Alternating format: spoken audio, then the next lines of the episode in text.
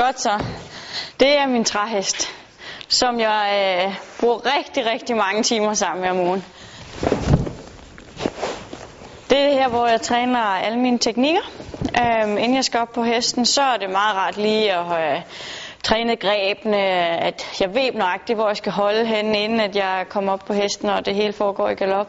Så det er for at finpuste det hele, også for at hesten ikke skal galopere alt for lang tid. Det er gerne et par timer hver dag. Så er der de tre træninger, hvor vi er på hesten, der er det lidt mindre, og, og så er der selvfølgelig fridag en gang imellem.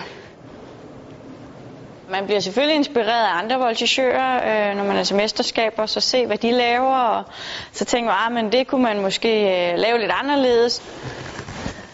Det er gerne, øh, når jeg rent faktisk ikke er sammen med hesten, at jeg får nogle idéer til, hvordan det kan lade sig gøre. Men det er også at blive ved med at lege rundt her og prøve at have en øvelse, og så gå op i den på andre måder, og komme, komme ud af øvelserne på, på nye måder, og blive ved med at bare tænke kreativt. Det hele det skal bare ligge på ryggraden.